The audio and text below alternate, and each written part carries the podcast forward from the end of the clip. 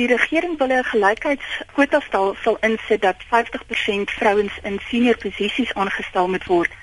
Maar daarom moet jy kyk dat wat eintlik kommerwekkend is dat ons nuwe kabinet is maar 40% is vrouens teenoor 2009 wat gesit het met 43%. Daar's ongelukkig baie teenkanting teen hierdie kwota stelsel as gevolg van baie faktore. Watter faktore is dit? Wel, baie vrouens dink dat hulle wil hulle posisie wil hulle kry as gevolg van hulle talente en dit wat hulle kan waarde toevoeg tot 'n besigheid. En hulle wil nie net beskou word as hulle die pos gekry as gevolg van om die nommers op te maak om die kwota te bereik nie. Nou gaan die regering op 'n stadium dit kan afdwing die kwota stelsel?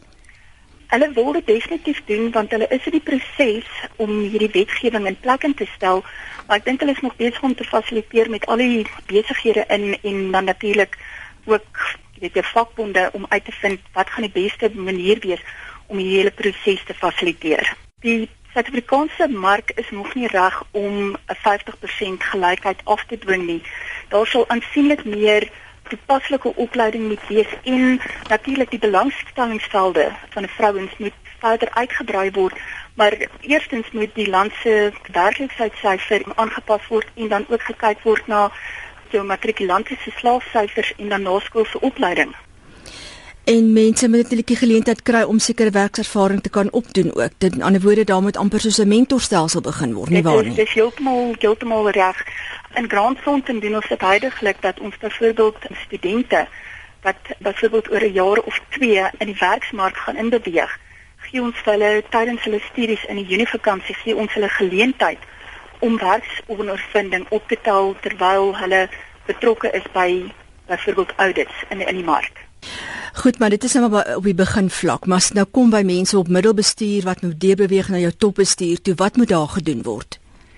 Opleiding en opleiding, daar is daar is ongelukkig geen beter manier is as om behoorlike opleiding te gee nie en daar praat ons van tegnies sowel as praktiese se opleiding. Jy moet weet waaroor gaan dit die konsep en mentorskap. So mense moet bereid wees om werklik tyd af te staan aan jong opkomende mense wat geïdentifiseer is wat werklik 'n posisie kan vul. En deur om jou tyd te gee, kan almal regtig 'n verskil maak in in Suid-Afrika. Die navorsing wat julle nou gedoen het, die studie, wat is die werklike betekenis daarvan? Wat gebeur nou verder daarmee? Ek dink dit is om 'n manier om blootstelling te gee aan wat is werklik wêreldtendense, wat gebeur in Suid-Afrika en hoe kan ons daai statistiek gebruik om 'n verskil te maak. In byvoorbeeld in Grandfontein Persay in Suid-Afrika is ons daarom al 30% van ons senior poste word gevul deur vrouens. Wat ek dink al reeds 'n aansienlike verskil is ten opsigte van die Suid-Afrikaanse markte. Maar jy moet kyk waar kan jy jouself verbeter? Om mense net meer te motiveer om 'n verskil te kan maak.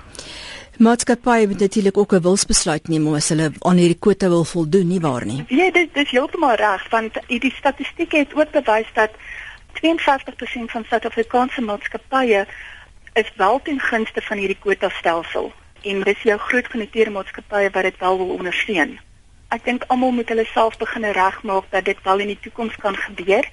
Hulle nou moet hulle self nie vaskop teen hierdie idee nie en ek weet ons het ongelukkig hierdie idee in ons kop dat dit gaan misluk as gevolg van jy weet die vorige poste wat afgedwing is en wat misluk het. Maar as ons 'n wilsbesluit neem en dit prakties begin implementeer, dink ek is dit werklik bereikbaar.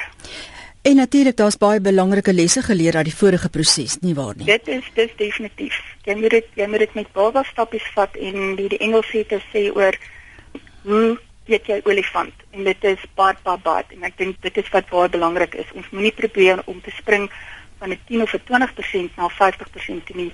Vat hom met met klein baba stappies.